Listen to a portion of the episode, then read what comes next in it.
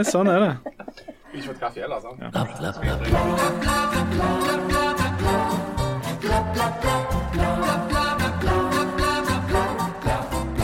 To av oss har vært på Munch-museet.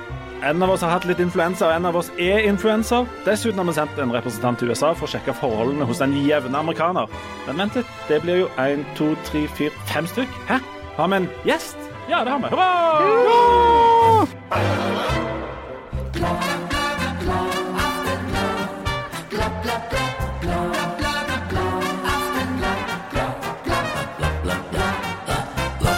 Hjertelig velkommen til Aftenbladet. Professor Janne Stigen Drangsholt, eh, hjertelig velkommen. På en skala fra 1 til 10, hvor bra har du det? Minus 10. Minus 10, ja. Kjempestart. Er det det cranky Ja, det er mye cranky om og nå, Det det har slått til. Oi, for fullt? Ok. Du, men eh, på en annen skala, fra A til E, hvor kjent er du? Minus E. Er det å si? Nei, kan ikke si minus E. Men du mener Det er veldig kanskje det. OK. En god idé. En god idé. Det er veldig bra. I hvert fall på Stangeland og deler av Trones. Der er du det. Ja. Det er veldig bra. Selveste Jan Sahl, hvor kjent er du på en skala fra A til D? Jeg eh, satser hele tida på å treffe mitt eget alfabet, der, så jeg er på en god sett. Du, god sett. Ja, for hvorfor går du ikke for fornavn? For det er et så enormt kjedelig og vanlig fornavn. Ja, det er sant. Det er jo faktisk det vanligste sånn statistisk sett i Norge, er å hete Jan Johansen. Johansen. Men så heter jeg Zalo, det er jo det eneste jeg har å på en måte vise fram. Sa han bittert. Og så i det som vanligvis er Harald Birkevold sin stol, uh, selveste uh, gjør meg med meg sjøl, uh, Veronica Simonet Fjell, hjertelig velkommen. Er dette Harald sin stol òg? Ja, det er det. ja. Altså, jeg, Så hvis du kan sitte litt sånn ja, det, altså, det blir jo en, Nå tar du armene i kryss over brystet, og det pleier jeg å gjøre, for da har jeg liksom puppebeholder, holdt jeg på å si. At jeg har sånn fysisk bh. Det er den innebygde BH. Ja, ja, ja, så jeg pleier å gjøre det, altså. Men du, nå forstår jeg hvorfor Harald hele tida gjør det. For han har òg. Nei, for da får han kløft, på en måte. Å ja, men jeg tror ikke jeg gjør det for kløft, og jeg gjør det for å bare ikke svette. Akkurat, ja. Ja, ja, ja. Hæ, er det et triks? Ja, under henget. Oh, ja. Jeg ser jo at du har lite heng, men jeg har særdeles mye, så jeg må liksom bare løfte Ja, de jeg har tatt fysisk. meg ned. BH i dag, men det er liksom bare Vet du hva, jeg gjorde det òg. Jeg tok en med litt hold i. Så jeg trenger ikke faktisk å gjøre det. Så jeg sitter bare vanlig. Jeg sitter ikke sånn som Harald, OK? Jeg trodde, jeg, jeg trodde dette skulle gå mye, gå mye ryddigere for seg når vi ikke hadde sure Harald her, men jeg skjønner at der er vi ikke. Men du, dette ble veldig bra nå, for nå fikk vi plutselig en sånn kjønnsbalanse i rommet, og da ble det helt andre samtaler enn vi pleier å ha. Eh, Og det er veldig stas. Du ble rød. Oh, Jeg ble bare litt varm. eh, Jeg vet ikke om jeg burde ta armene i kors eller gjøre et eller annet. Vi er ikke vant med den type sterke samtaler om uh, tidlig om morgenen. Oi, jeg syns at Cranky Woman hørtes veldig sterkt Ja, ut. det Don't get me started. Jo, kanskje vi skal get you started. Eh, hvordan har dette gått med denne mm, din personlige hashtag her? Det begynte ja, Jeg har jo ikke brukt hashtaggen ennå, så, så langt har jeg bare opplevd Cranky Woman Autumn. Men jeg kan jo fortelle om det. Ja. For på fredag så hadde vi veldig dårlig tid, for det var liksom ja, fotball og alt. Og så eh, skulle vi bestille pizza, og så bestilte jeg på Vesuvio i Sandnes, som jo har veldig bra pizza. Så bestilte jeg på nettet sånn at den skulle være klar når vi kom fram. Og så kom jeg fram, så de var sånn Nei, her har vi ingen pizza, hva kan ha skjedd? Og jeg ble litt cranky, for det er jo liksom sånn Har dere ikke pizzaen min klar? Jeg har jo bestilt den. Det, fire stykk skulle vært klar. Jeg jeg hadde fått 10 alt var golden. Og så var de sånn, ja, men vi kan lage den, ta ti minutter. Så OK, så kjørte vi en runde da imens. Og så innså jeg jo i løpet av den runden at kanskje jeg hadde bestilt på en annen. Vesuvio pizza. Og ja, Vesuvio pizza og kafé fins. Er det I mange, er mange pizzaplasser etter Vesuvio Ja! i Sandnes? Ja, nei! I Oslo! Selvfølgelig. På, er det noe som heter Bekkefaret? I don't know. Bekkestua. Bekkestua, ja. Det var ikke Forus, det var i Oslo. Så da måtte jeg jo ringe til de da, og være sånn Ja, hei. Eh, og de var sånn Ja, eh, vi har jo lagd de pizzaene. Og så var jeg sånn Ja, jeg skal selvfølgelig betale for de. Så jeg betalte sånn én million kroner i Det, pizza. det er bra du er så enormt rik. Jeg er jo ikke så rik nå lenger. Jeg har bestilt dobbelt Ja, og pizza. har betalt den dumme strømmen, som jo koster gull og diamanter. Så da måtte jeg jo først betale Vesuvio pizza og kafé, og så måtte jeg jo betale Nei, måtte du det? ja, Jeg sa jo at jeg kunne det, fordi de hadde jo lagd pizzaen. Jeg ville jo ikke at de skal eh, eh, gå i minus pga. at jeg er så dum i hodet. Men kalte du det Vesuvio pizza? Aldri hørt den. Eh, Kanskje det ikke heter Vesuvio engang. Jeg skriver VES, og så kommer det Er den god? Ja, og jeg, den er jo eh, Den er jo i Sandnes, på Lura, rett med Lura turistheim. Eh, Den er Ah. kjempegod. De har eh, Rett ved den bensinstasjonen? Ja. Er det bensinstasjonen? Det er rett, nei, nei, det er en legit pizzaplass. Det er en sånn Trones sykkelbutikk, heter det. Ja. Er det gamle Spaceburger? Ja, der er det. Nei, Spaceburger, er ikke det er mer mot Lurafy. Jo, det stemmer det. Den er på hi-sida. Nå kan vi bare beklage til alle eventuelle lyttere i Oslo eller utenfor Sandnes kommune. Pizza, tydeligvis. Ja, de, ja, de kan gå på sin lokale Vesuvio-pizza. Den er ikke der med Lura turistheim, men rett over Men de på Ingebrigtsen. De har ikke Vesuvio pizza. Nei, og så reagerte jeg litt på at den menyen var helt forskjellig. Bekke, men bare en ting, på, en ting klart. Bekkefare er jo ikke Bekkefare er jo ikke i Oslo. Nei, Ja, det var det Bekkestua, var det da. Det var noe sånn, ja, en sånn. Oslo Jeg skjønte jo at det var Oslo, for jeg var sånn Da sto Oslo. Ja. enn Når jeg så nærmere etter. Okay, ja. Jeg er jo fra Og- Grevlingstien, rett ved siden av Bekkefaret. Ja. Er du det? Ja, og du Ja, kunne jo det trengt seg der. en Ja, pizzaplass skulle ønske at det hadde kommet en pizza Ja. der, for da kunne jeg jo kjørt og hentet Og så kunne du betalt de òg. Du kunne bestilt på Bekkefar Bekkestua, på alle kjørt til Lura, Ja. og så betalt på Lura, og så kunne de fått pizzaen. Hvis du betalte den, da. Jeg sa jo at det, til de i Oslo at hvis det er noen som vil ha den pizzaen, Ja. så kan de bare ta den. Hva gjorde de da? Nei, De var helt uinteressert i å diskutere det videre. De syntes jeg var veldig dum, og det var jeg jo. Men veldig rik. Veldig rik, for jeg vippsa i vei. Her har dere eh, penger og litt mer. Men jeg trodde, det var, trodde det var tilgivelse for sånn feilbestillingsgreier. Jeg, jeg De hadde jo lagd den. jo, jo, men likevel. Jeg husker når vi var, når, de, når vi var på McDonald's, når vi var sånn, sånn små, så gikk ryktet om at du vet at det, hvis du snufler i trappa på McDonald's, og liksom bare maten bare kvelter og brusen fyker og sånn, så bare går du ned og sier 'jeg mista brusen', så får du ny. Ja. Og dette her testa vi. Selvfølgelig. Ja, ok. Ja, for at du, Hvis ryktene sa at du fikk ny brus, Ja. så det første vi gjorde, var jo å gå bort, kveltre brusen i trappa. Da fløyt med brus i isbeder og sånt, og så gikk du ned med sånn tomme brus og sa du, jeg mista den i trappa, så fikk den nye. Men altså, logikken i dette her er at du får jo bare én brus. Du har jo ikke fått mer brus, for du har jo mista all den brusen du egentlig skulle drukket. Ja. Så du har jo ikke tjent noe på dette. Dette Du har er- jo bare gitt merarbeid til de ansatte. Dette gikk opp for meg ca. ti år etterpå, men jeg følte Jeg bare sånn, tenkte jeg skulle poengtere i Ja, tilfelle du fortsatt trodde du hadde brus ja, for jeg trodde det var noe sånn luring på gang. At dere liksom helte brusen over i en medbrakt kopp, eller noe sånt. Nei, altså, så langt tenkte vi ikke. Vi, vi følte bare vi fikk, voldsomt, vi følte bare vi fikk veldig mye ut av det. Ja, ja. Meg og Janne tenkte nøyaktig det samme her. Hvor var fortjenesten? Og den var null hos deg. Men da har du nå innsett det, Det er derfor, det er derfor dere to er søkkrike. Jeg er på grensen til Det er helt riktig. Men kan jeg si den andre cranky Ja, woman-ting? si. Fordi at etterpå så ble jeg jo syk. Selvfølgelig. Straffen fra Vesuvio. Vesuvios flammer vil ramme deg som en ild av Hvis det var syv. pepperoni. Det er den nye personen. Ja, den har veldig rare r som ruller og skarrer samtidig. Er det, er det den nye andakten? Nei, nei, nei. Eh, og når jeg blir syk, så hovner øynene veldig opp. hovner øynene dine opp. Ja, for jeg, jeg har jo litt sånn atopisk eksem. Og så, så det setter seg jo der du er svakest. Så jeg bare har gått rundt som Frankensteins brud i tre dager og vært blind på det ene.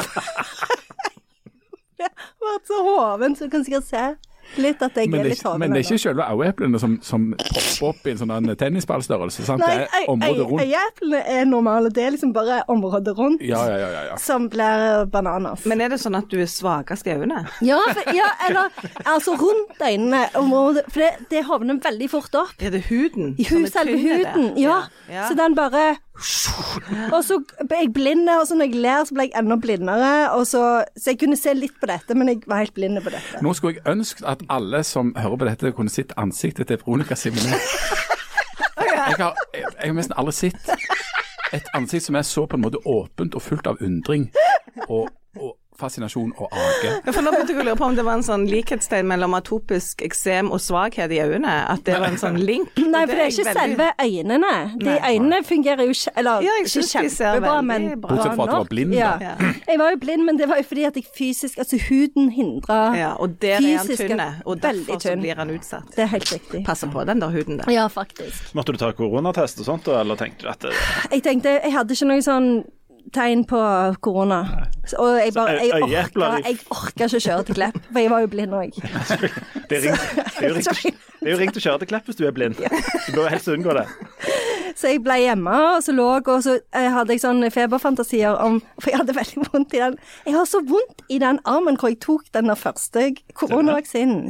Jeg har kjempe Jeg kan ikke bruke den armen, så jeg lå og fantaserte om at jeg var sånn heroinavhengig. Det har vært noen veldig tunge dager. Men ellers går det greit. men, du, men du har ikke funnet men du, det har ikke vært noen ting å poste om dette på den hashtagen hashtaggen du har lagt? Jeg har jo ikke orka det. sant? Det er, jo, du, det er jo det som er kjipt med være Cranky Woman Autumn, at det forutsetter at du har litt overskudd, så du må ikke være for cranky. Nei. Men du tekster med høyre, sant? Jo, jo, men det er liksom, du må ha overskudd til å ta bilder og ah, ja, sant, sånn, alt det der. overskudd. Jeg tenker at hvis høyre funker, da har du overskudd. Ja, OK. Bare ja, ok. Jeg har nå lagt ut på min Snapchat eh, bilde av deg og så hashtaggen bare for å få gang på det. Har du det? For hvis du ikke evner å gjøre det sjøl, så tenker jeg at da skal jeg bygge den merkevaren for deg. Men jeg ble usikker, skriver dere det med K eller C, Cranky? Vi skriver det med C. Yes, jeg har gjort det. Ja, bra. Veldig bra. Det er veldig sterkt. Sosiale medier-ekspert i studio. det Topp stemning. Dette er jo ikke bra. For det, altså, uh... Dette er ikke bra. Jo, det er bra. Dette er jo kjempebra. Altså, for det, hvis du legger, når du legger ut det, så treffer vi jo ca. halve verdens befolkning. Ja, ikke det? rett og slett. Vi, Vi, vi må, vi bare, altså, hvis det er to-tre stykker der ute som ikke vet hvem du er, f.eks. folk som er oppvokst med Bekkefare i Oslo, eller Hva, hva var det, med- nå husker ikke jeg hva det heter engang. Heter det ikke Ja, OK.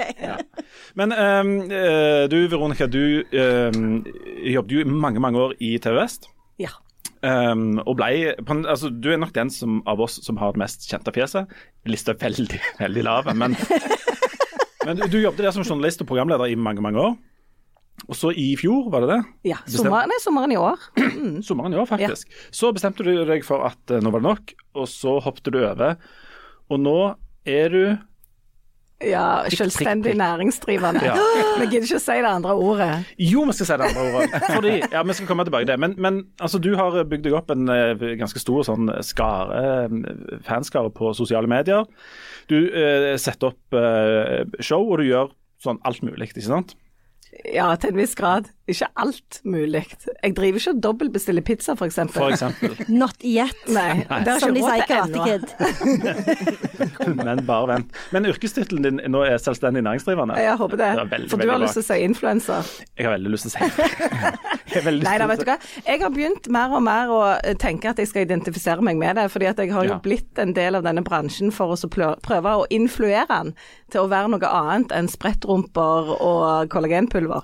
Men det er jo ikke negativt å være influenser, er det det? Nei, jeg føler ikke det nå, eh, faktisk, etter at jeg ble en del av det. Eh, jeg tror at um, vi stadig kommer der som på en måte samfunn at vi innser at vi ikke skal la det der være sånn dark web eller noe sånn greier. fordi at hvis vi ikke tar del i det aktivt som samfunnsborgere og forbrukere, så vil jo den der bransjen der bare bli sånn som han har vært fram til nå. Så jeg tror jo at uh, vi skal eie det litt mer, ja. Både vi som er i bransjen, og gjerne vi som konsumerer det. Herregud, har dere sett statistikken på hvor mye vi bruker sosiale medier nå? Nei. Altså, det er, Er det helt mye? Ja, og Snapchat, som jeg har vært på i åtte år, som alltid har vært sånn 'Hvorfor er du på Snapchat? Jo, alle må være på Instagram.' Nå er jo Snap på topp.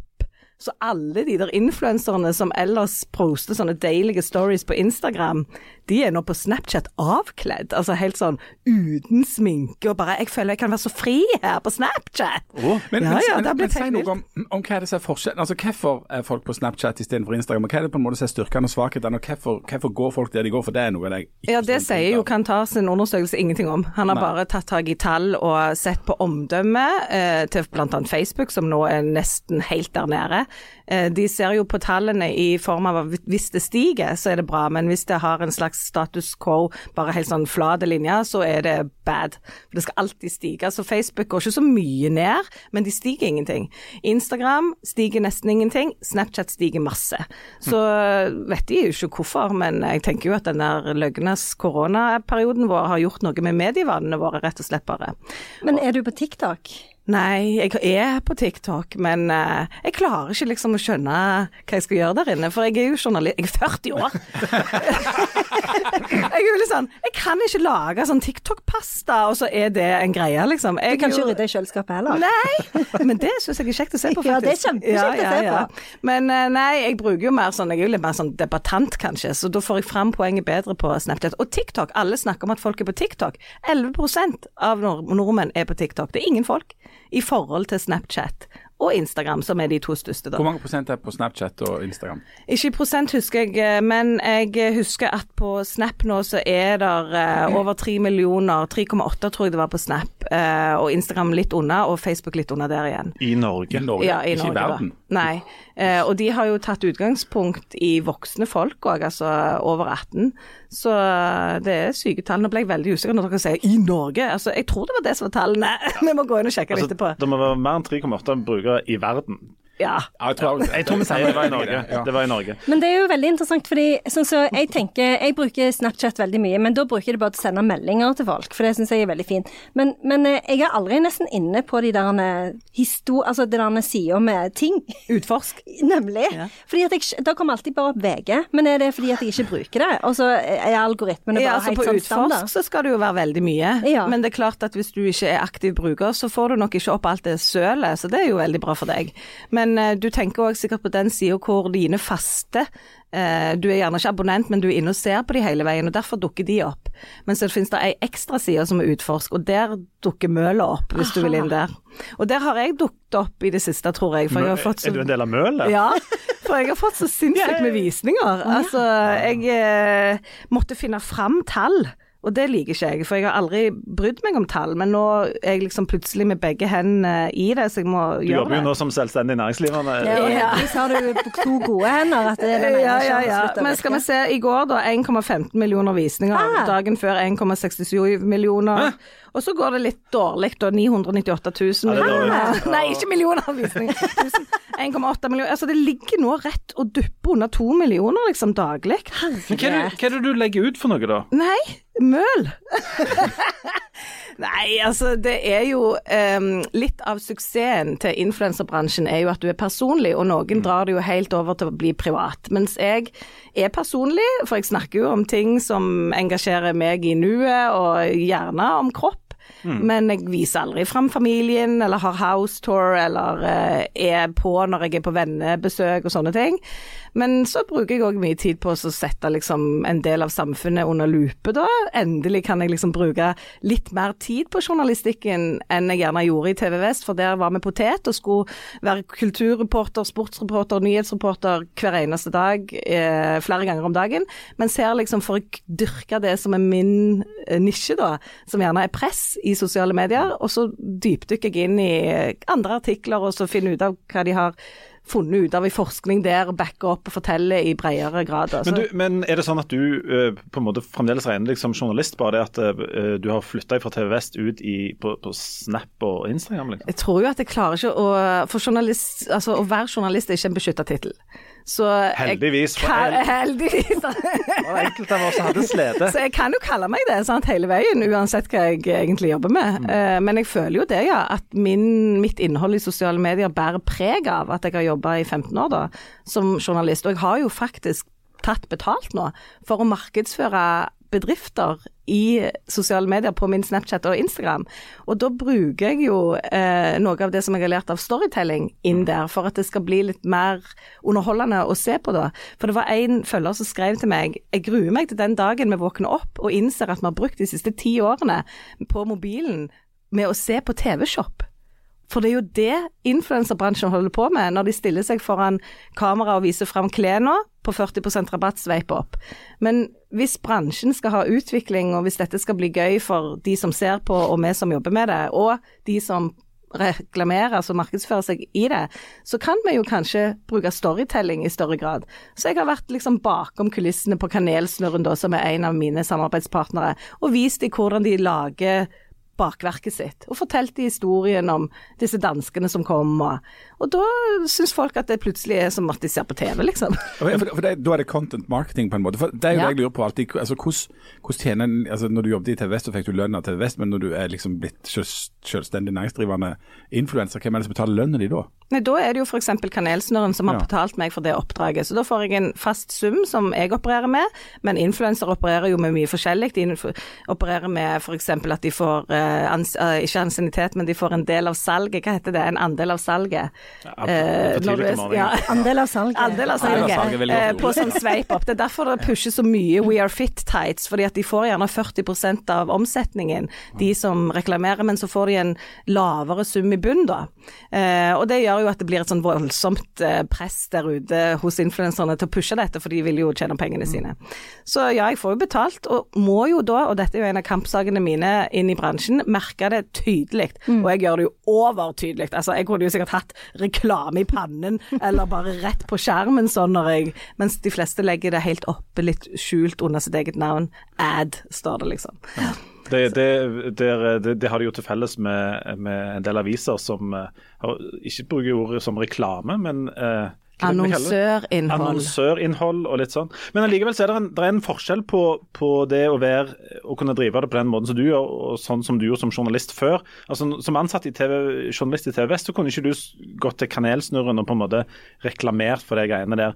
Er det, er det komplisert for deg som, som på en måte har den der journalistikken i blodet, å å- å drive med begge deler på likt? Nei, fordi at jeg har en veldig avveiing. Altså, jeg har vært kunde da hos Kanelsnurren siden de åpna, eh, og tenkte at hvis jeg skulle utforske dette, så skulle jeg utforske det med ulike deler av eh, næringslivet for å vise andre influensere, altså 18-åringen som sitter og ser på mine ting, at det går an å tjene penger på noe annet enn f.eks. skjønnhetsbransjen, da. Så eh, når jeg eh, valgte å gå til Kanelsnurren, så var det jo nettopp fordi at jeg følte som journalist i TV Vest at jeg var inhabil med å lage TV om de, for det var flere ganger at vi snakket om at nå ekspanderer de mye og skulle vi gjort noe sånne ting. Så lot jeg noen andre gjøre det fordi at jeg var så veldig glad i den kaffen. Men så forteller jeg det, siden når jeg er som influenser og markedsfører de, så forteller jeg det til følgerne mine at nå skal dere vite det at jeg er forbruker av denne kaffen her og disse bollene her, og har gjort det i veldig, veldig mange år. La det aldri være tvil om at jeg elsker de, men derfor kan jeg òg gå god for de. Så det er en sånn eh, Det er en veldig sånn Altså det fletter seg sånn inn i hverandre at det kan jo være farlig i, i hermetegn. Men jeg er jo, som jeg nevnt, jeg skal ikke nevne det mange ganger, men jeg er jo 40 år. Eh, og så føler jeg at jeg har en veldig sånn, eh, et veldig blikk på det, og ryggmargsrefleksen kicker ut hvis at jeg føler at jeg ikke skulle gjort det da. Um, før vi går videre, um, uh, vi vil gjerne vite hva dere syns om uh, Aftenbladet, dere som hører på. Så Vi har lagd en liten uh, spørreundersøkelse som ligger i bioen vår på Instagram. og Du kan også finne den på aftenbladet.no slash blabla. Så hvis dere kan gjøre oss en liten tjeneste og gå inn der og svare kort på den, så blir Jan um, veldig, veldig glad. Jeg tror du skulle si veldig, veldig cranky. Ja, det blir veldig, veldig cranky. På universitetet kaller vi det for tidlig dialog. Og det er ingen som liker det. Det kan jeg, eh, kan jeg love. Tidlig dialog. Ja, tidlig dialog, da får vi tilbakemeldinger på hvordan forelesningene har vært og Ja. sånne ting. Det er jo egentlig ingen som vil ha tilbakemelding. Nei, Er det det? nei, det er jo ingen som vil ha det. Blir, hva tilbakemelding får du? At du har for lite powerpoint, var det det? Ja, for mye tekst. For mye tekst på powerpoint? Men det som er løye med sånn tilbakemelding, i den grad vi får det, er jo at det, veldig ofte får du tilbakemelding som uh, går i to helt forskjellige retninger, f.eks. Mm. At um, jeg liker denne delen, og så sier neste nei, jeg liker denne delen. Ja, det er helt riktig. Men, men, eh, men eh, hvis det er en, en tydelig tendens, så kan vi jo alltids ha ha Ja, og hvis det er noen som liker det veldig godt, så er det fritt fram å Ja, si ifra. Du, vi, eh, vi skal tenkte litt senere, så, så skal vi se om vi kan få uh, Veronica til å forklare oss hva Vixen Awards Å er for nei, noe. Ja, når vi snakker om cranky. Ja. Vi gidder ikke det i dag. Jo, nei, Men om det vi ble nettopp ikke om den der drittprisutdelingen. Vixen Awards. Kommer ikke til å skje. Vi legger det ned. Okay. Aldri. Jeg prøver, igjen, og jeg prøver igjen om noen minutter. Skal vi snakke om halloween? Vi skal snakke litt om halloween òg. Men først skal vi snakke om halloweens eh, far, nemlig Edvard Munch. Du visste at det var han som innførte halloween i Norge? Jeg vet det nå. Han satt der ute på Hva heter det? Ikke Bekkefare, men e Ekely. Bekkestua, tror jeg det heter. Bekkely. Ekelu. Ekelu. Og så satt jeg der og sa han, vi må ha noe heroin. Nei, halloween. Så var det misforståelse, så ble det halloween i, i Norge. Men vi Ikke snakket meg om heroin. Nei. Hva? Nei, jeg skal ikke snakke om det. Men meg og Jan har vært på eh, Munch. Jeg skjønner ikke hvordan dere har fått tid til å være på det der Munch-museet. Var dere på åpningen, eller? Vi var på åpning. Ikke, ikke på åpning direkte. Vi var på en spesialomvisning to dager før åpning. Nisj. Var den senga der, da? Ja, Den sengen. Og, og dere gikk ut forbi, eller inn forbi den der sperrelinja som lagde lyd? Vi gikk ut forbi. Jeg tør ikke gå nærme den senga. For at, eh, ofte når du er på sånn kunstutstilling som jeg må holde meg vekk fra de tingene som jeg ikke helt vet om er sånn som du kan sette deg på, eller et kunstverk. Ja, for du må ikke gå inn forbi den der sperrelinja, da lager det uling i hele bygget. Hæ, gjør det? Jeg har så lyst til å dra til Munch-museet og trø over den streken. For det er jo ikke et fysisk sperrebånd, så det er veldig enkelt å bare få foten litt inn forbi, og så huler det. For folk skal Men ikke legge kan seg ned i den hvordan Men ser den sperrelinja ut, da? Nei, det ser ut som en sånn du vet når du står og venter. Sånn som koronamerkene Ja, er i butikken. Okay, det er bare. Skjønner det? Den- Du skjønner at du den- ikke skal gå inn Ja, Det er det? en teip på gulvet, altså en grønn teip, og, og denne senga vi snakker om er altså senga som en britisk kunstner som heter Tracy Emin. Ja, har lagd, som heter My Bed. Ja.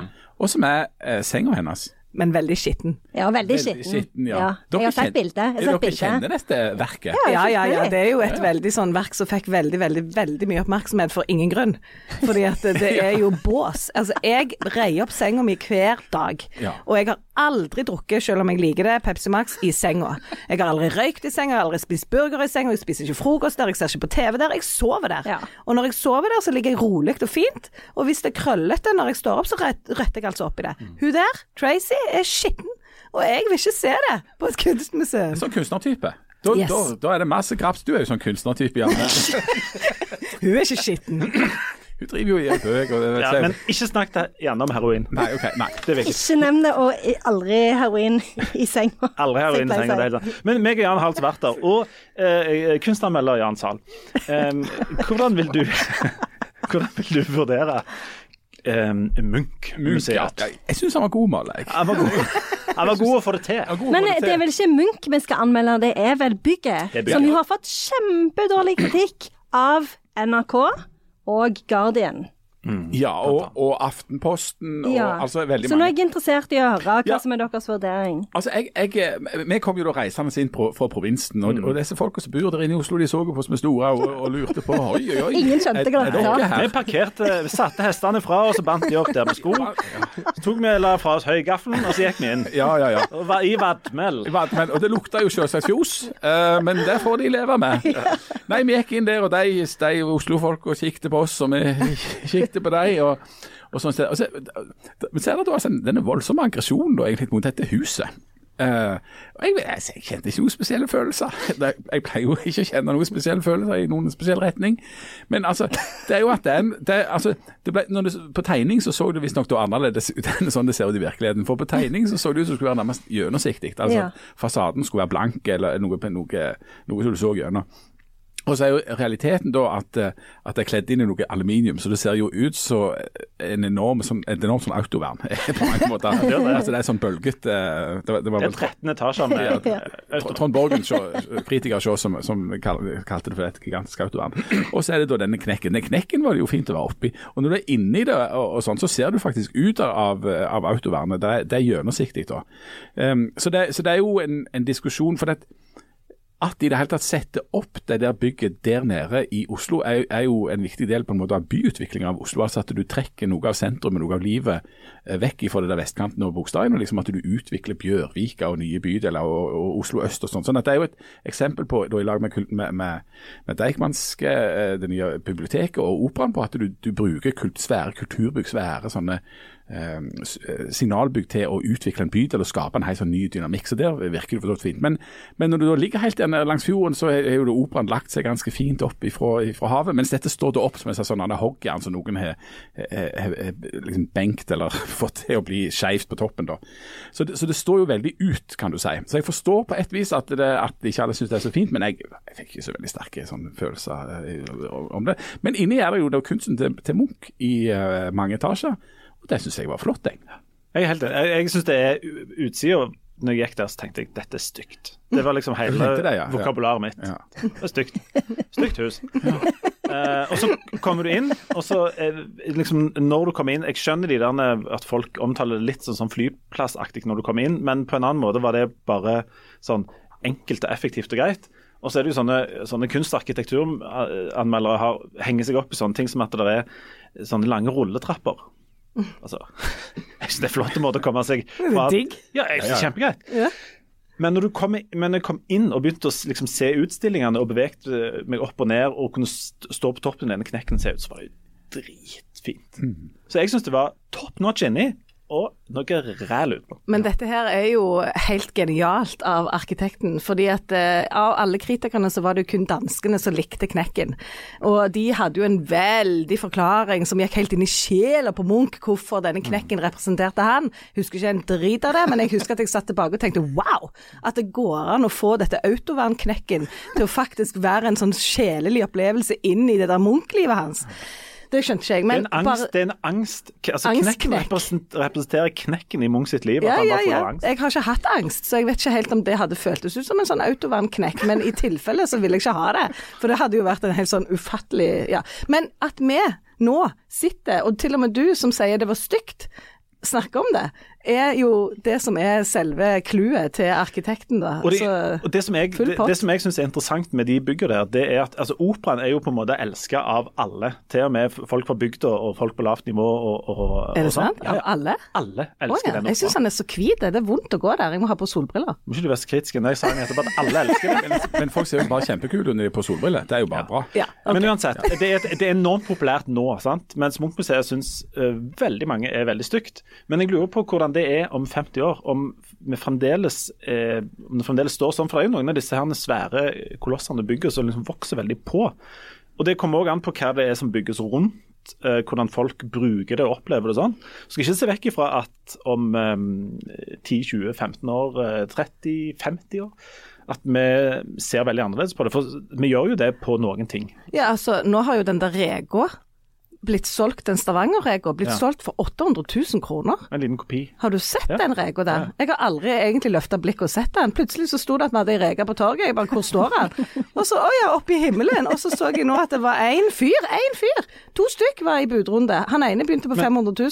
Så kjøpte han den med omkostning og moms for 820 noe tusen. Var det, nytt, var det nytt for deg at den Ja. sto der? Ja, ja, ja. ja. Jeg Men- vet at Kielland står der. Det, Men det han er, ikke, ser jeg. det er ikke den regelen. Det er ikke sånn at den skal forsvinne For Nei, det forsto jeg. For Ja. først ble jeg veldig sur, Ja, ja. for jeg tenkte at denne regelen har jeg aldri sett, men den skal faen ikke vekk. Nei. Men så forsto jeg det var en kopi. Men sant, dette her er jo det. Altså, den regelen er jo et kjempesymbol på hvordan det har vært i Stavanger, og veldig viktig står der.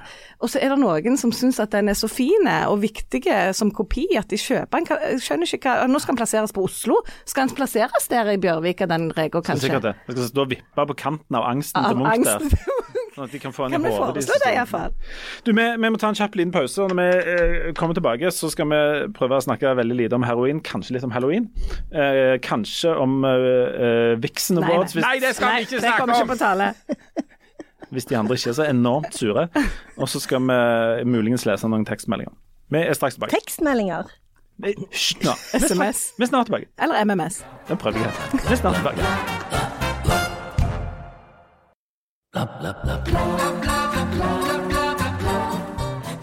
Og der var vi tilbake, igjen. Uh, Jan, vi har fått et postkort. Skal vi ta det? Ja, men jeg, er jeg tror ikke vi skal ta det denne gangen. Jeg skal ikke ta det denne Det er gangen. veldig fint.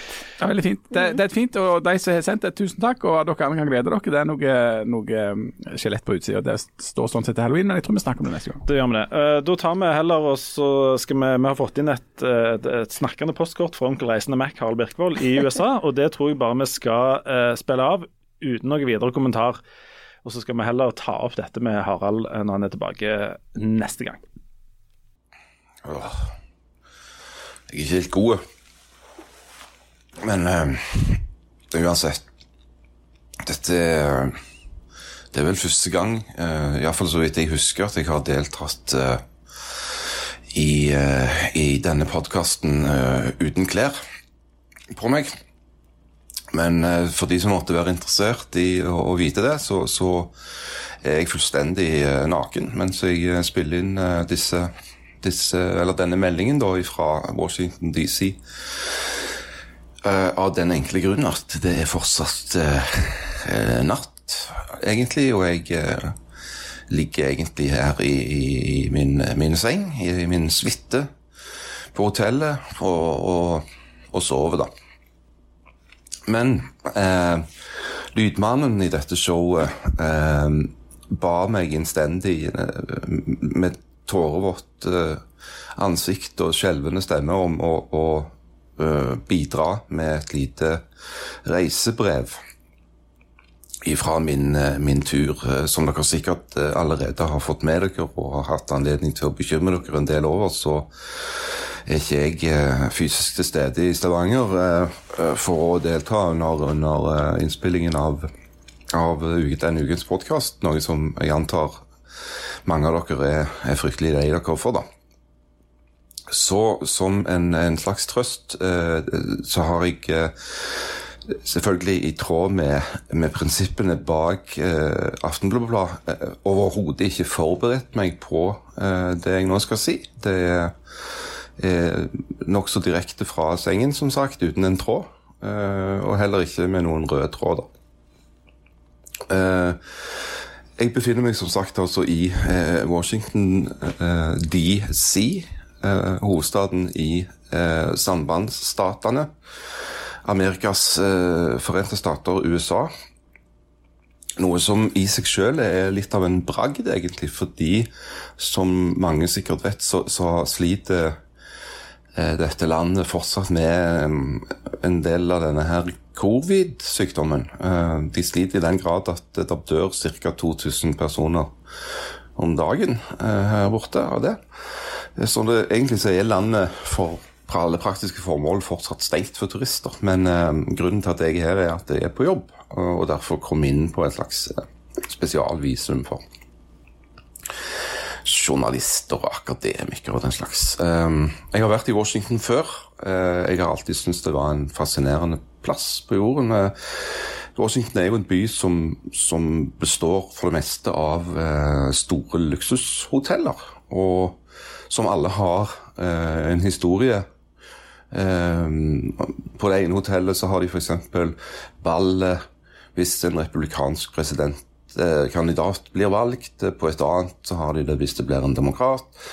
Det er et eh, hotell hvor eh, en eller annen fyr en eller annen gang eh, satt eh, og sa et eller annet, eller på dette hotellet så skrev eh, den og den en berømt tale, eller på dette hotellet så, så hadde den og den presidenten sine syv elskerinner eh, innkvartert i forskjellige etasjer.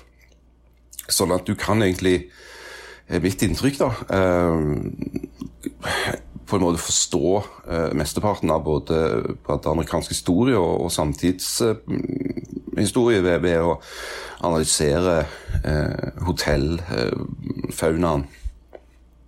Eh, da kan jeg også, også med en slags ikke, fun fact eh, opplyse om at i går så sto jeg da, i og med at jeg er ute på en, en form for sånn eh, ja, undersøkelse av, av disse hotellene i lobbyen på uh, The Willard, The Willard Hotel, som uh, er berømt eh, egentlig av én grunn.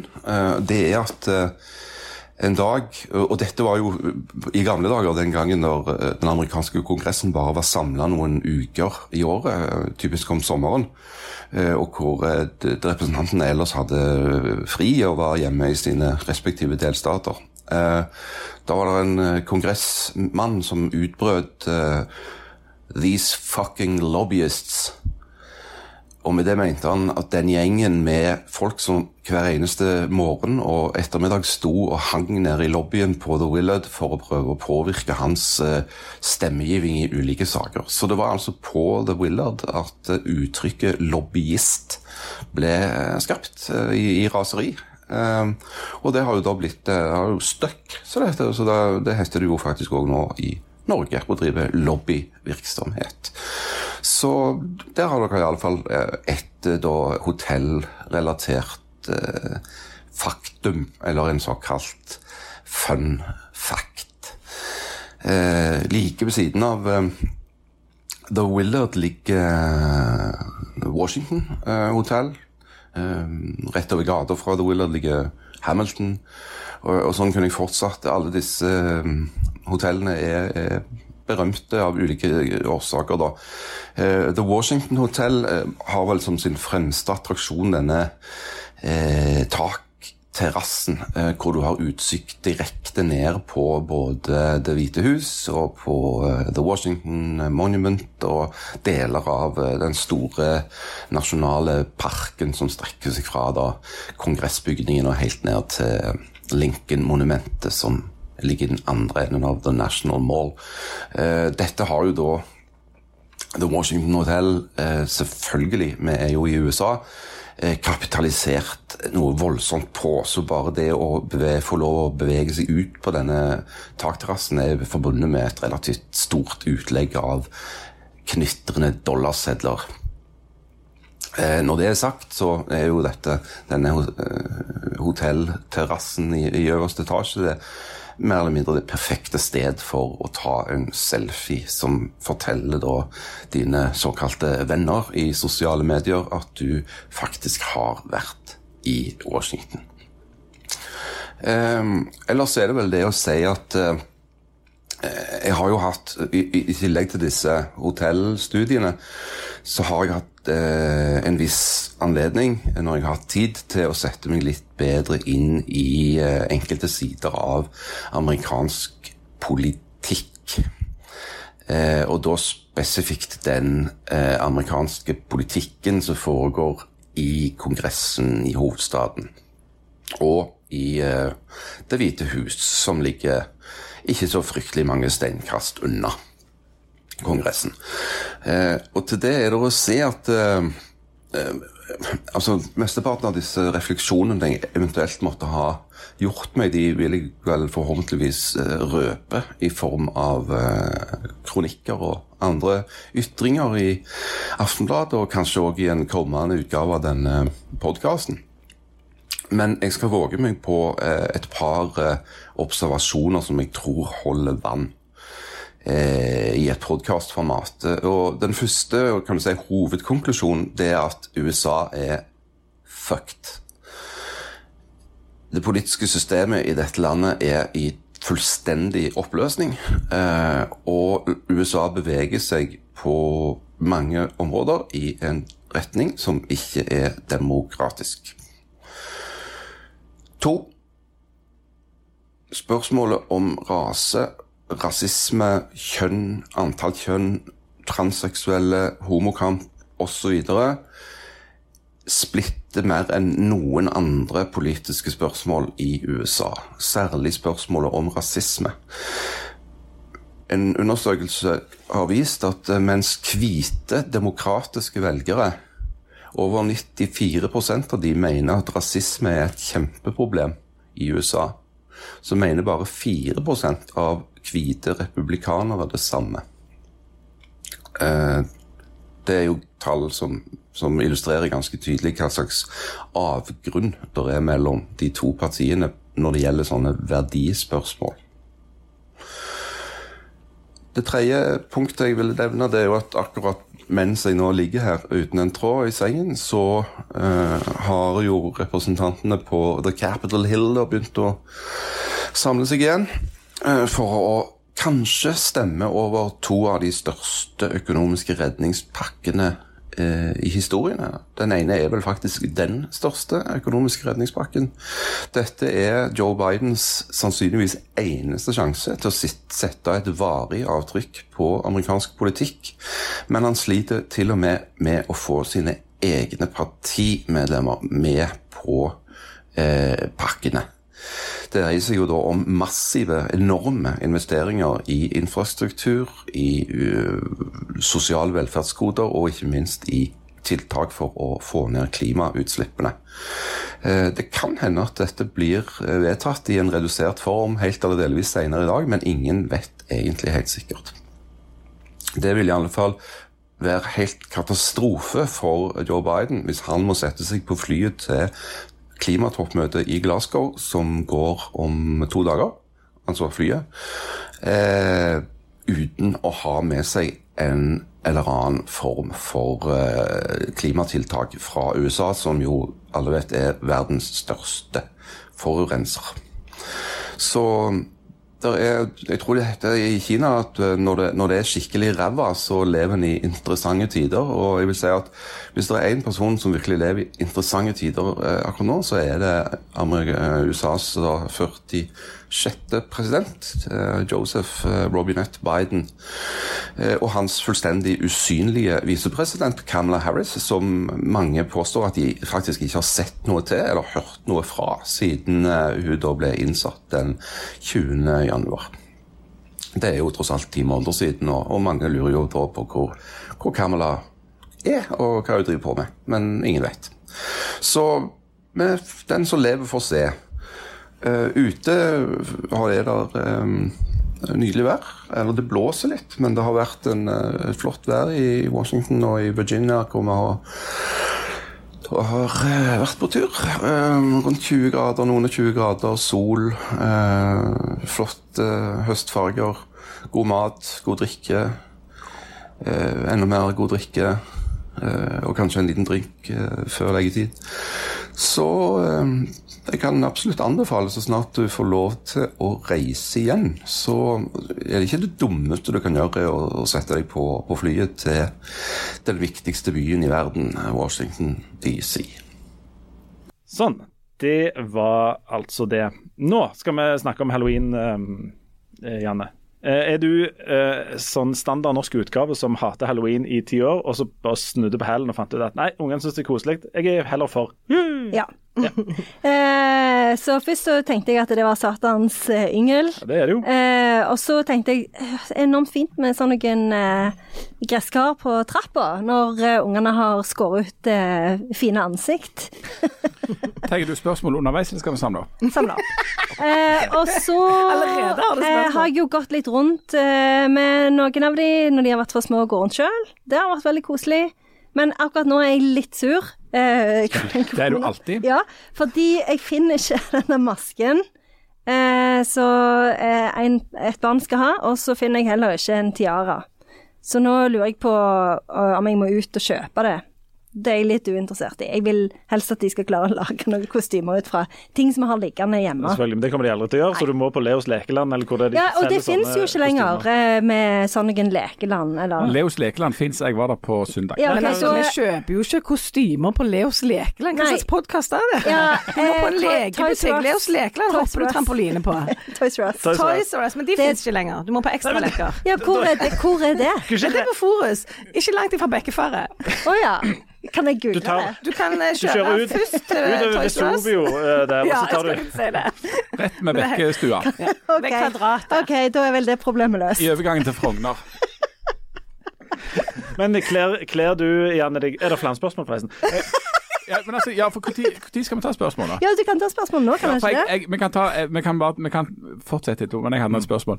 Du sa eh, dette, dette gresskaret som ungene har skåret ut. Er det det som faktisk skjer hos dere? Altså at det er ungene som Ja, ut dette? faktisk. Ja. Fordi, for Grunnen til at jeg spør, er at vi òg har hatt utallige sånne eh, gresskar i altfor store størrelse så ungene skal skjære ut. Men hvem er det som sitter der og Er graver oppi der? Jo, det er han far. Ja, det er han far. Og det lukter så ringt Det lukter veldig mye. av de der eh, greiene der. Og ungene de, ja, de, synes, de er entusiastiske i mellom fire og fem minutter. Og så den, de to neste timene er det jo ingen som gidder. Er det lov med replikk? han Ja. far. Er det lov med replikk på replikk? Nei, jeg tror det. Og så i tillegg så står du igjen med alt det der grapset, og så må Ja. du tenker du åh, og så må du lese de der enormt kjedelige sakene på NRK. sånn, Slik bruker du opp resten av gresskaret. Øh, der du skal ja. lage en eller annen pai eller en eller annen eh, skinke eller noe av det der grapset, Ja. og så hiver du det etterpå. Kan jeg komme med replikk på replikk? Eller hva dere sa? jeg, tror det åpner, jeg tror vi åpner for det. Fordi eh, jeg har hørt at de der gresskarene som du bruker, at de egner seg ikke til å spise. At det er ikke sånn spisegresskar, det er sånn pynt... Eller ikke pyntegresskar, for det er jo de der små. Men, det, men dette er òg sånn som du ikke skal spise. Jo, men jeg tenker jo at du riktig? bruker nesen, så når Jan sier at det lukter høgg, Ja. så skal du ikke stappe det i kjeften Nei, nei, men du ble jo litt sånn... så da er jo det bare å hive. Ja. Ja, ja. Ja, Du kan er hive deg det det, det er sikkert god næring til en eller annen hortensia. Ja, Men eller jeg- i senga. Ja, hvis du er kunstner. Men jeg er jo imot å hive mat, så jeg Ja, har jo er prøvd å lage disse Ja, rettene. har du prøvd å lage det? Selv om det lukter drit. Ja, det er jo mye som lukter drit. Skal du heve alt det der innholdet i? Nei, altså, altså, Det er jo mange forslag. Du skal liksom ta og plukke ut hver enkelt av de der, eh, de der eh, frøene, og så skal du liksom riste dem. Det har jeg aldri giddet. Det der lange slimet. Ja, det der lange slimet, det kan du ha i håret. Men av det der kjøttet, der har jeg lagd noe omstendelige suppe. Ja. med Men det er jo ikke noe skydd, det er jo bare det der slimet og de der frøene. Hva er det slags utskjæring dere holder på med? Dere må jo Ja, skrape ja, ut det der kjøttet kjøtt... Nei, det er sant, det er veldig tydelig. Det, er, jo, det er jo fem centimeter med sånn der fruktkjøtt, eller ti centimeter, som skal hogges ut. Ja, det du sitter der og skraper i timevis. Det er jo akkurat det jeg blir det det jeg, Men hvis du skal få et ansikt som det er- kommer noe lys ut av, så må det jo bli tynnere enn det det er fra Ja. naturen, dette her. Sant? Og Ja. det må, Da må du jo skave ut enorme mengder med sånn her fruktkjøtt. Gjør du med skje, eller? Skei og kniver og ting du kan skjære deg med. Og det gjør jeg jo. sant? Og så etter det du kan begynne med den danderingen av det der eh, liksom ansiktet. Men da sitter du der med fire kilo med sånne gresskarkjøtt. Hva dere tror dere lager noe av av et gresskar? Det er jo det, sant? Ja. Men så da har jeg ingen lagd av oss- suppe, jeg har lagd peier. Ingen liker det. Ingen, Absolutt ja, men du, ingen liker det. ingen av oss visste at det var skjøt inni der. Vi har trodd at det, På med det. Det er jo du ungene som gjør det. Du må jo få Jeg trodde det var slim og de der kastanjenøttene, eller hva det er for noe, som er oppi frøene. Og de skal du heller De kastanjenøttene skal du heller ikke spise. Det er en myte. Det hørte jeg på, eh, på eh, Abelstårn. Ja. Så snakket de om det. At det er en myte at du kan spise sånne kastanjer. Og så sa de òg at du må aldri se sånne soppbøker fra 70-tallet. For der var det mye sånn Hevde de den soppen? Det har den vært var en kjempegod. utvikling der. Ja, sant? for de visste ikke langtidseffektene. Så det- soppene er egentlig kjempegiftige. Altså, du som er sånn opptatt av sånn kjønning vanligvis, Janne. Hva sier dette om, om kjønnsdimensjon? At de to som er mennene her nå, vet at i et gresskar er der kjød. kjød altså fruktkjød eller grønnsakskjød som du, lager, som du må få ut og som du lager mat av. Mens dere, for dere er dette en nyhet. Ja, da blir det litt sånn mindre, litt mindre cranky woman, tenker jeg. Ja, altså, jeg har nok med mine ting. Jeg kan ikke sitte og tenke på at det er skjøt inni gresskaret som jeg tar ut. Så jeg kommer aldri Dette er et familieprogram. Vi har ikke lov det, Sånne ting er faktisk ikke lov å si. Jeg prøver å få dette inn på et mer sømmelig spor. Det var ingenting koffert i det. Dette er et Å ja, familieprogram. unnskyld. Nei, det var, Du tolker det til noe helt annet. ja, jeg, Men det er jo jeg eh, som kjøper de inn. Det er jo jeg som Det er jeg bruker... du er så enormt rik. Ja. Men du, kler du deg ut? Jeg kjøper de på Kler uh? Eh, eh, nei. Veronica, kler du deg ut? Aldri. Ja. Eh, Jo, jo, jeg hadde sopphove en gang. Ja. Jeg var Et en sopp. familieprogram. Ja. Ja. Aldri i livet. Jeg har nemlig kledd meg. Nei!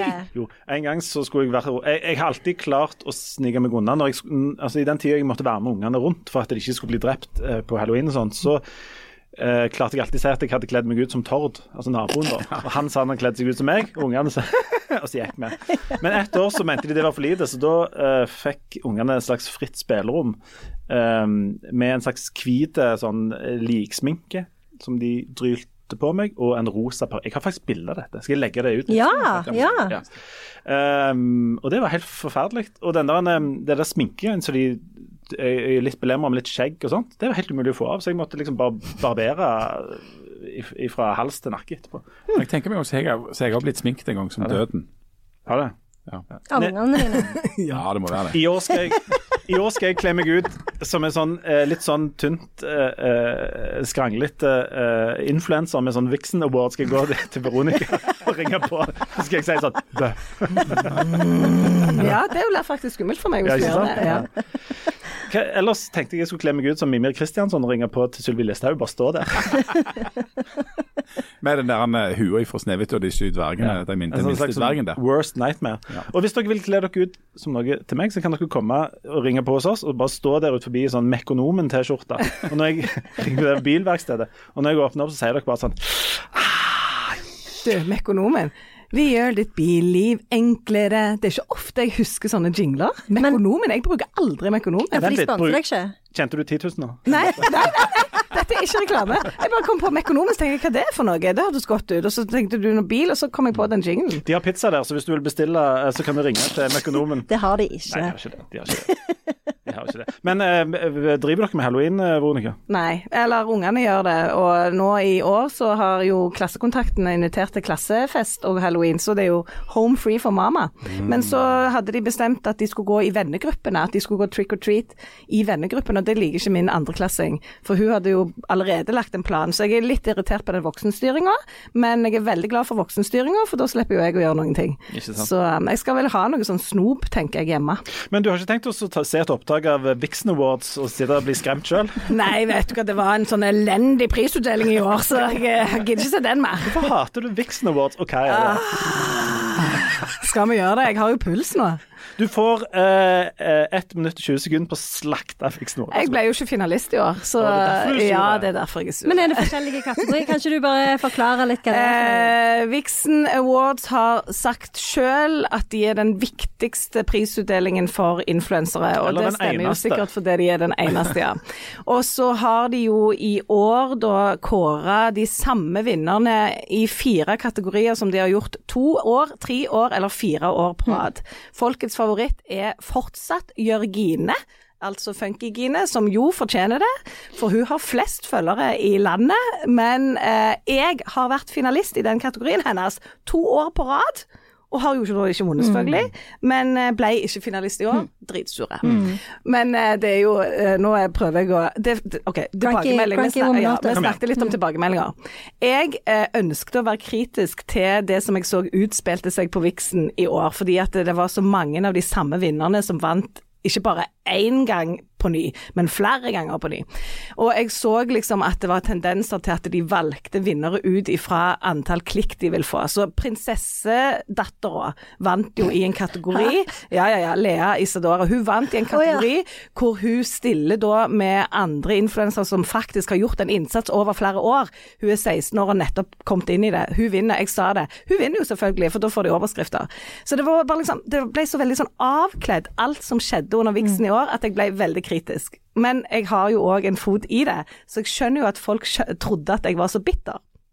For meg så handler det jo ikke om å vinne en pris under Vixen, men det handler jo om at hvis Vixen, som får så enorm mediedekning fra samtlige mediehus, minus Aftenbladet, tror jeg Han sånn var ikke til stede.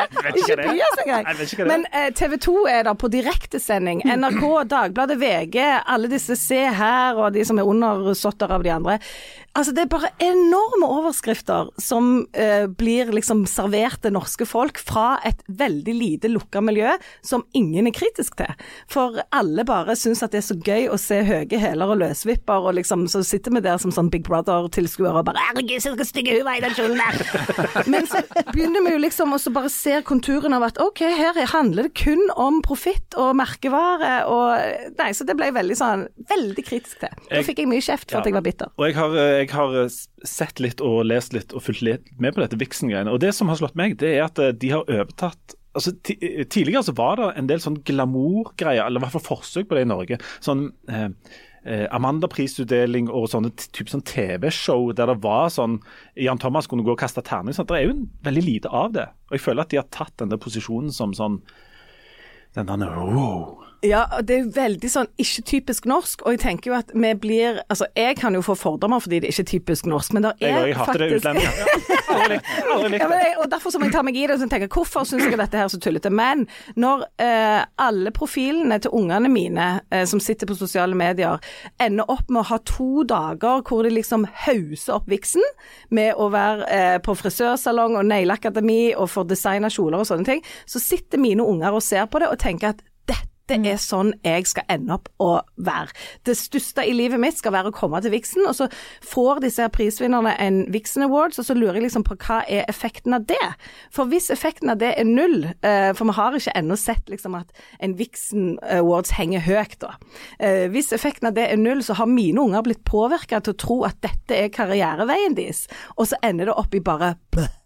Derfor er jeg veldig sånn kritisk til at vi skal iallfall sparke litt ifra. Og er det én ting som jeg syns vi skal verne om, så er det at det er faktisk ikke typisk norsk å være sånn rød løper Kim Kardashian og gå der i helsvart antrekk på Met-galla eller hvor hun var.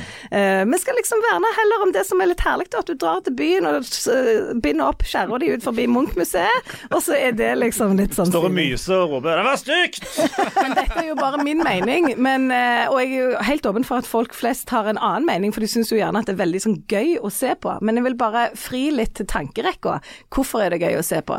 Hva er det som skjer når Vixen får disse millionene med klikk? For hele Vixen-prisutdelingen er styrt av følgere. Så de har jo hatt 30 000 nominasjoner i år. Altså det har vært helt vilt mange influensere som har vært på bordet til Vixen, og så ender de opp med å kun ta de mest populære. Og så er det ingen egentlig begrunnelse til hvorfor disse vinner gang på gang på gang på gang, på gang og hvorfor jeg ikke kom til finalen. Men, men hvem, er det så, hvem er det som sitter i denne Vixen-komiteen? Jeg syns at det er gode folk. Det er et bredt antall Altså det er et stort antall folk fra et bredt fagfelt, og noen av de er i mediene òg. Men det er klart at de som sitter der, driver jo òg Vixen, flere av de. Sånn at eh, kanskje skulle det være en juryleder som gjerne ikke jobbet med Vixen resten av året, da. Jeg syns at det der er et par sånne ting som kanskje kunne vært endra. Muligens de skulle hatt meg inn i den juryen. Mulig. Det. det er jo herr og fru Vixen som, som, som, eh, som holder Vixen-familien. Liksom, Ja, som holder dette her eh, gående. Nei, Det var men, jo irriterende at det, når jeg først skulle bli selvstendig næringsdrivende, Ja. så skulle jeg bli semifinalist, men ikke finalist. utrolig Kan du kjenne hvor drit det var? Det er jo noe av det verste som selvstendig næringsdrivende, er å ende opp i en sånn spiral av semifinaler. Det er søren meg aller siste sort, altså. Um, du, men eh, jeg, jeg så på, på Instagrammen din for ikke så lenge siden. Der la du ut en Hvor lenge siden var det egentlig? Ja, Var det i dag tidlig? Nei, det var, nei, det var faktisk lenge siden. Oh, ja. Da hadde du lagt ut en veldig fin eh, passasje der du leste opp eh, noen flotte romantiske meldinger som du hadde fått fra din mann. ja. Det syns jeg var veldig fint. Nei. Jo, det var kjempefint. Ja. Det var sånn hverdags, det var ikke sånn Vixen-greie, det var sånn hverdagslykke. så jeg tenkte at uh, vi har jo telefoner med, har vi ikke det? Og vi er utstyrt med, med hver vår ektefelle. Så jeg tenkte at hvis vi tar fram telefonen nå, så tenkte jeg vi, vi kunne lese litt uh, liksom de siste meldingene som har gått til og fra våre, våre kjære. Å ja. Ja. Um, jeg kan jeg, Dette er et dårlig tegn å så sinnssykt langt ned for å finne noen meldinger jeg har fått fra hun jeg er gift med for øyeblikket. Um, vi snakker ukevis nesten her, men jeg tenkte vi kunne lese Er det SMS du er, eller Messenger, eller hvor, hvor er dere når dere kommuniserer? Det er veldig, men jeg, jeg bruker SMS. Vi kommuniserer der. Uh, så jeg tenkte jeg kan begynne. Jeg kan lese. Skal vi se. En, to, tre. Jeg kan ta de Jeg kan ta de seks siste meldingene fram og tilbake. Litt sånn kjærlighet uten grenser-aktig greie. Om du kjører innom en butikk, sjampo, balsam, tyggi og lakris, smågodt. God natt, darling. To hjerter. Elsker deg. Ett hjerte. Handle kolon. To karbonadedeig, kjøttbuljong, margarin, poteter, gulrøtter, brokkoli, tyttebær, syltetøy, chips, ostepop, brus, juice. Smoothie, komma, lykke. Salma, mellomrom laks, avokado. Henter bilen, står utenfor. Handle colaen. Pizzasaus, pepperoni, havregryn, mel, yoghurt, eplejus, melk. Men eh, det der eh, står utenfor, var det deg, det? Ja, Ja. det var meg. Men eh, du skrev ikke noe sånn 'darling' eller 'hjerte'? Eller? Jo, god natt, darling. Det var, fordi Var det da- du som det var når jeg var på Munch-museet. Oh, ja. Men sier du darling? Ja. Mamma sa det til hennes eks. Darlingen min, med sånn innrøykte Darlingen min, kan du komme her litt? Grann, Jo, det var, ja, det var litt sånn Darlingen? Hvem er det som gjør det? Nei, Vi får høre deg, da. Jeg Nei, jeg har jo lagt det på Instagram, men eh, jeg, jeg tror at eh, Skal vi se, vi ligner litt. Ja, men ja. Uh, Martin skriver, det er min mann. Det er fullt av folk her, jeg gidder ikke å komme hjem. Når vi er på besøk, er vi på besøk. Det får gjelde Vilde òg. det har han sendt til meg, for det var et eller annet med at huset var fullt av unger når han kom hjem. Hun har gitt meg beskjed, skriver jeg, så krangler vi litt om det. da, at Du fikk ikke beskjed, men jeg fikk beskjed. Og så, Ja. eh, lørdag 10.26, skriver jeg til Martin. Kan du kjøpe to Sensodyn tannkrem, dusjsåpe, intimsåpe, kneippbrød, sjokolade, fruktposer, Maja, melk og Cheerios. Og så kommer det et mellomrom. Juice, for det var det viktigste. Og så har han ikke svart på den, han kommer òg tomhendt tomhendt hjem. Ja da. Så søndag 18.02 er neste melding fra meg til Martin, for han svarer nesten aldri. Bor oppe helt innerst til høyre, Frøyland står reservasjonen. Altså, jeg skriver litt sånn hakkete. Så det, det er ikke noe fra Martin, for det er litt her fredag. Møte, kan jeg spille tennis fem? Og så- Men er det, er det på, var dere på hotell? har du levert dressen mandag 4. oktober? Fy fader. Han svarer deg ikke, altså. Nei, han pleier ikke, men han eh, er jo litt sånn eh, Jeg liker han jo, men eh, han er ikke veldig eh, sånn full av ord. Men ja, du er jo en håpløs romantiker. ehm, i, og i, i den digitale sfæren. Eh, hvordan, Ja, hvordan går pingpongen fram og tilbake med deg og den vetle sangfuglen du er gift med? Ja, men risiko at jeg, for at jeg nå blir skilt når jeg driver og leser opp dette her. Beklager, Det er Britt det Synnøve. Dette var ikke min idé. Det er det som er hele hensikten. Hun får skille seg med meg. Hvis oh, hun skille seg med deg. Nei, altså, den siste, siste utvekslingen vi hadde, eh, den skjedde på lørdag. Eh, og nå er det onsdag, så vi har ikke så mye kontakt. um. Da skulle hun spille på opptre på Sandnes, for Sandnes gjenåpna seg sjøl, eller et eller annet sånt. som Jeg så jo hun var kjempeflink. Ja. I forkant av at hun eventuelt var kjempeflink på en eller annen scene i Sandnes, så kom denne. Så bra at jeg var såpass trøtt og stressa i dag at jeg glemte å kle meg for utekonsert. Og jeg glemte kortet mitt. Og jeg glemte sminken. Dette blir bra. Det kom fru. Så da svarte jeg dette blir topp. Ah, det var jo veldig støttende. Og så tenkte jeg at det var kanskje litt lite, og det var, det var med utropstegn og alt. Og så etterpå så skrev jeg ei, og så, og så er dette den, det første og eneste hjertet som opptrer i vår, eh, i vår eh, kommunikasjon. I love showbiz, svarte jeg. så sier hun, helt hinsides kaldt. Godt jeg tok T-skjorta unna istedenfor genser. Helt totalt ute. Så svarte jeg, og igjen, jeg, jeg, jeg, jeg, er- er heldig med dette, for jeg har vært veldig sånn lyset her. Ja. Det er i alle fall oppholdsvær. Gå og kjøp deg ei ulltrøye, hona vel. Så svarte hun. Ja, det skulle jeg gjort hvis jeg hadde hatt kort. Så sånn latter-emoji. Det, det er smalltalk. Det er smalltalk. Og så er det siste, eh, den er da eh, litt senere på lørdag, fordi at vi skulle uh, ha da altså tiårsbursdag på Leos lekeland på søndag. Uh, så da var det hvordan skal du få lagd muffins oppi alt dette her. Så da hadde, skrev jeg igjen, jeg, jeg kommer veldig godt ut av det, for jeg er så konstruktiv og positiv.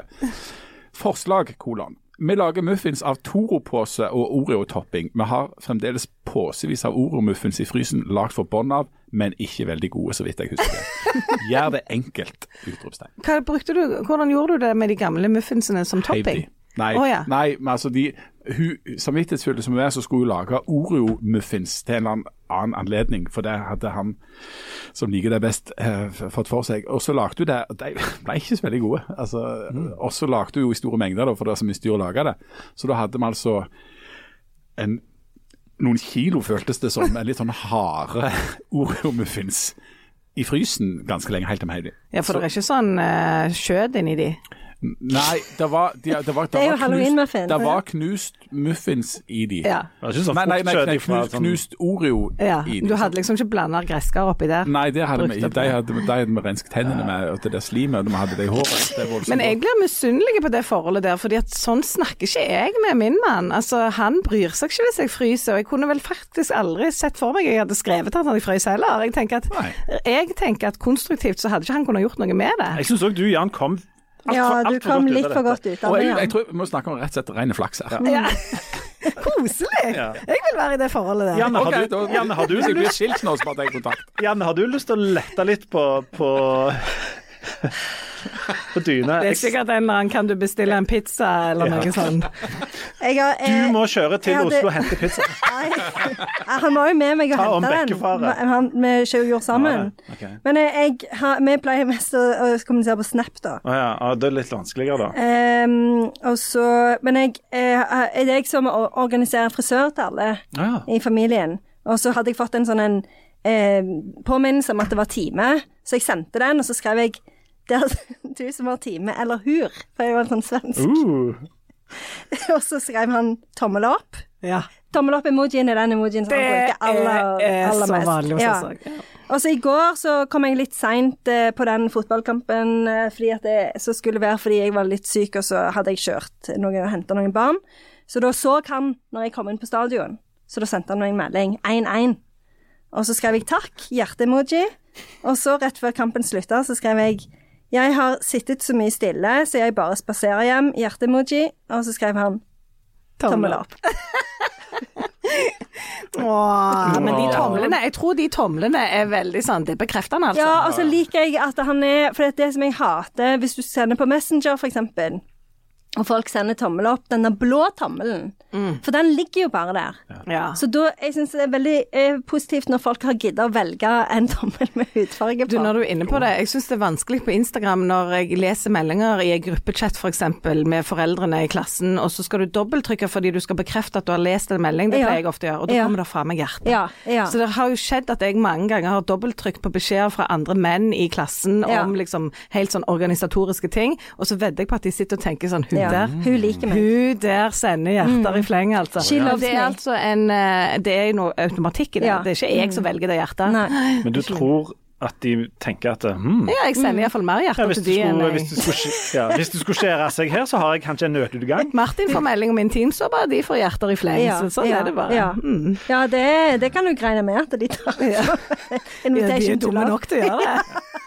Men jeg eh, må hilse denne Martin og si at jeg syns han bør svare på meldingene. Ja, han må svare. Ja. Han må kunne sende en tommel opp. Ja. Ja, ja, jeg er enig. Men eh, er det stor forskjell på tommel opp? Jeg svarer OK. Ja, OK er veldig surt. Og det verste har har vi snakket med til før. Hvis noen sender meg, og dette sier jeg til alle som hører på Hvis dere sender meg en OK punktum Fuck you!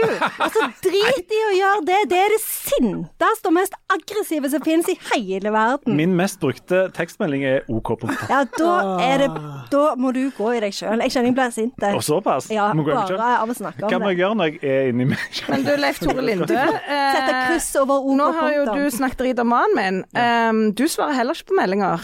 Vi har en meldingrekke her eh, hvor jeg skriver helt nydelig ses tirsdag klokka ni, og så har jeg champagneflaske bak der. Så får jeg Hæ? ingen Så får du ikke svar på Nei, dette var på søndag, og det er jo i tillegg så er det jo feil dag jeg har skrevet. Jeg har skrevet ses tirsdag, men jeg mente jo onsdag.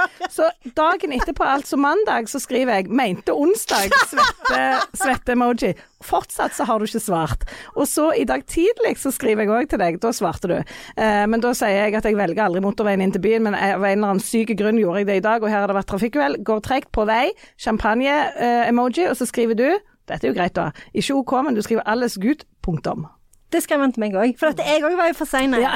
Eh, og da eh, Men du svarer heller ikke på alle meldinger. Men når du, svar, når du sender en melding der du bekrefter noe på feil dag, og så masse sånne tegneseriesymboler, hva, hva er meningen? Jeg skal svare. Men Jeg, skal ikke du først si 'oi, nei, det er ikke på tirsdag vi skal treffes, det er onsdag'? du er jo en voksen, oppegående, selvstendig tenkende. Du, tester du, visste, du visste jo at det var onsdag. Du måtte teste meg siden jeg skulle være vikar. Ja. Men eh, det vil jeg òg ha sagt, at på den der fellesgruppa som vi har internt i podkasten, så er det som regel bare Harald som gidder å svare når jeg skriver. For jeg skriver jo ofte litt sånn Har dere Sånn som for eksempel på fredag så skrev jeg Har dere sett den nye filmen til Wes Anderson?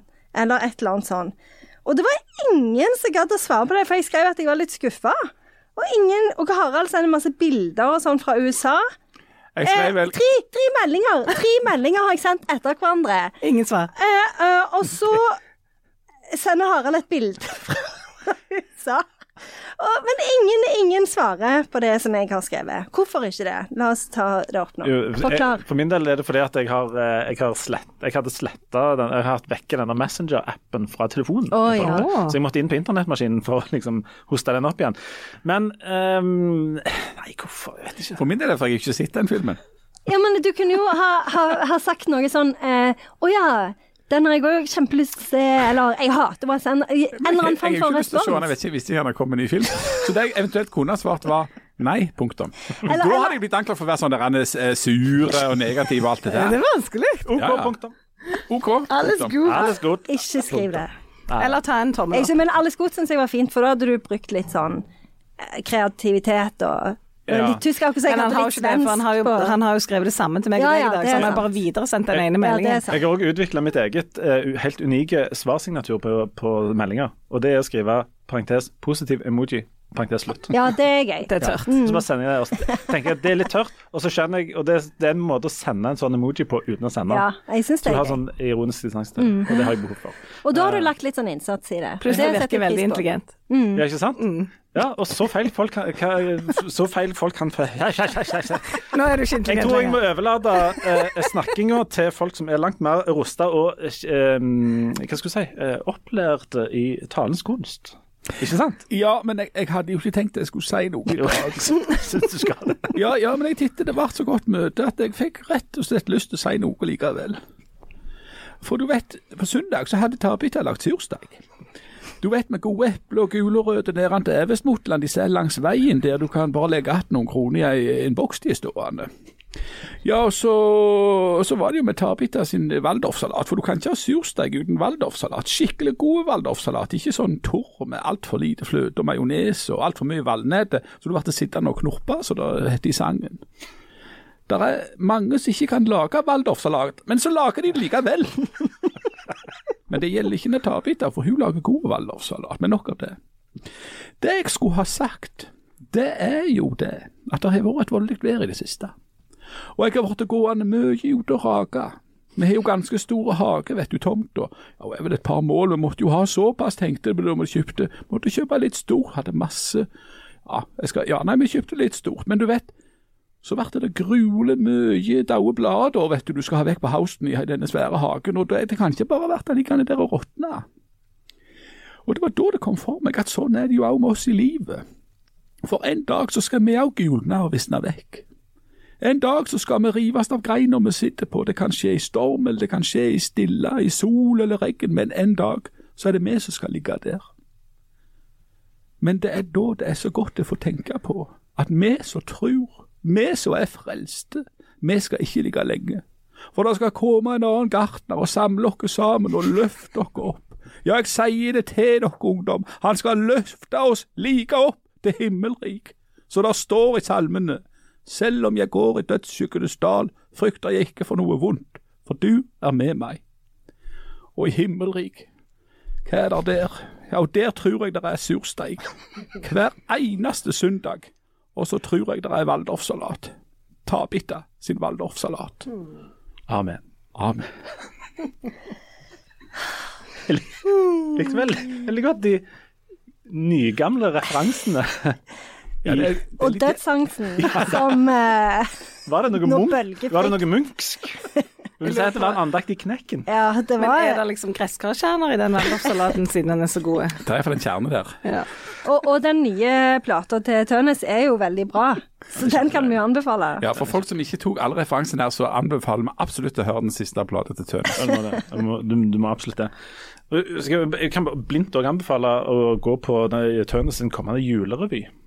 Som skal Han er enorm. Ja, den er veldig Han er rett og slett enormt løy. Ja.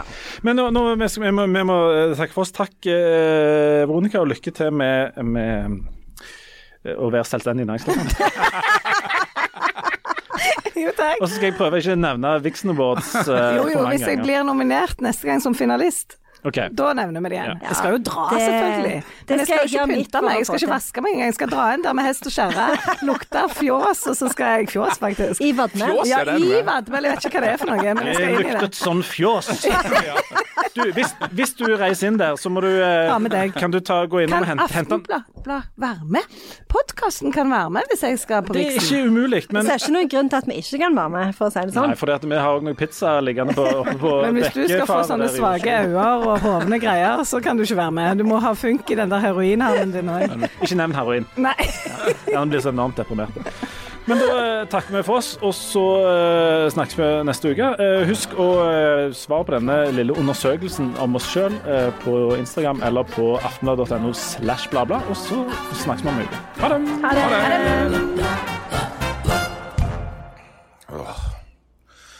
Jeg er ikke helt god. Men uh, uansett